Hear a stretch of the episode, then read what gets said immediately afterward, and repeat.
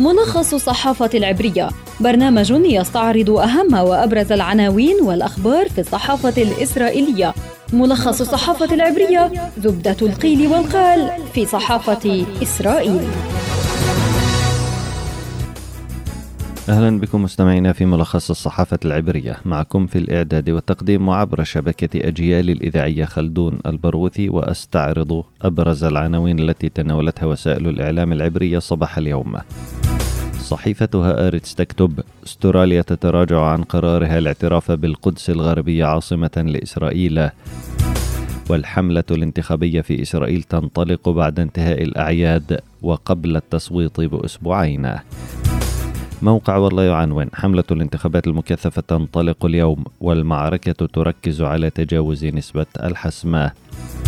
والخارجية الإسرائيلية تستدعي السفير الأسترالي بعد قرار حكومته سحب الاعتراف بالقدس عاصمة لإسرائيل يقول موقع والله.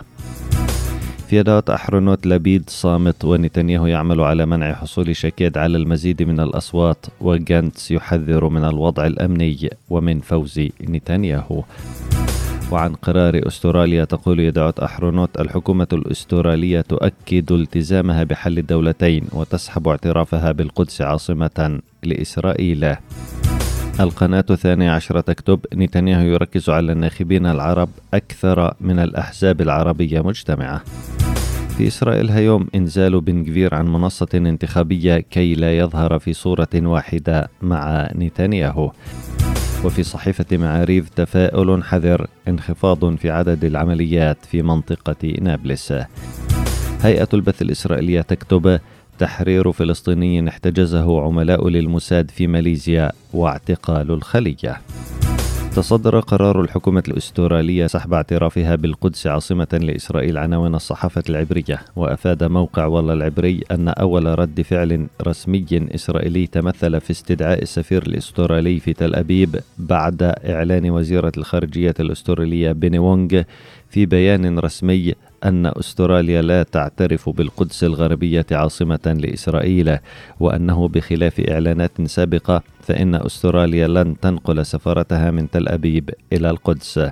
وجاء في بيان الوزيرة الأسترالية أيضا أن أستراليا ستبقى دولة صديقة لإسرائيل وستبقى ملتزمة بحل الدولتين الذي تكون بموجبه دولة إسرائيل إلى جانب دولة فلسطين وتكونان قائمتين على أساس السلام والأمن في حدود دولية معترف بها.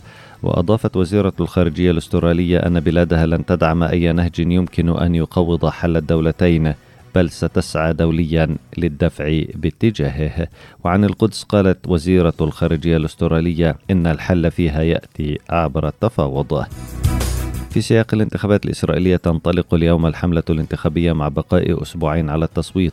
وشهدت الليلة الماضية حدثا مثيرا إذ رفض بنيامين نتنياهو الصعود على منصة انتخابية لوجود إتمار بن كفير عليها. وحسب وسائل الإعلام العبرية فإن نتنياهو لم يرغب بالتقاط صورة له إلى جانب بن كفير على هذه المنصة. وقام مساعدو نتنياهو بإنزال بن كفير عن المنصة بطلب من نتنياهو. الأمر الذي أثار غضب بن كفير في سياق الانتخابات أيضا تشير الصحافة العبرية إلى أن نتنياهو يكرس جهده لتجاوز الواحد وستين مقعدا في كافة الاتجاهات وينفق ما يوازي ستة أضعاف ما ينفقه يائير لبيد على حملته الانتخابية. كما يركز الليكود في حملته على الأصوات العربية بجهد يفوق ما تقوم به الأحزاب العربية مجتمعة حسب ما تقول القناة الثانية عشرة. كما يعمل نتنياهو على حرمان أييلت شاكيد من تجاوز نسبة الحسم عبر التركيز على سحب جزء من أصوات ناخبيها حسب ما تقول يديعوت أحرونوت.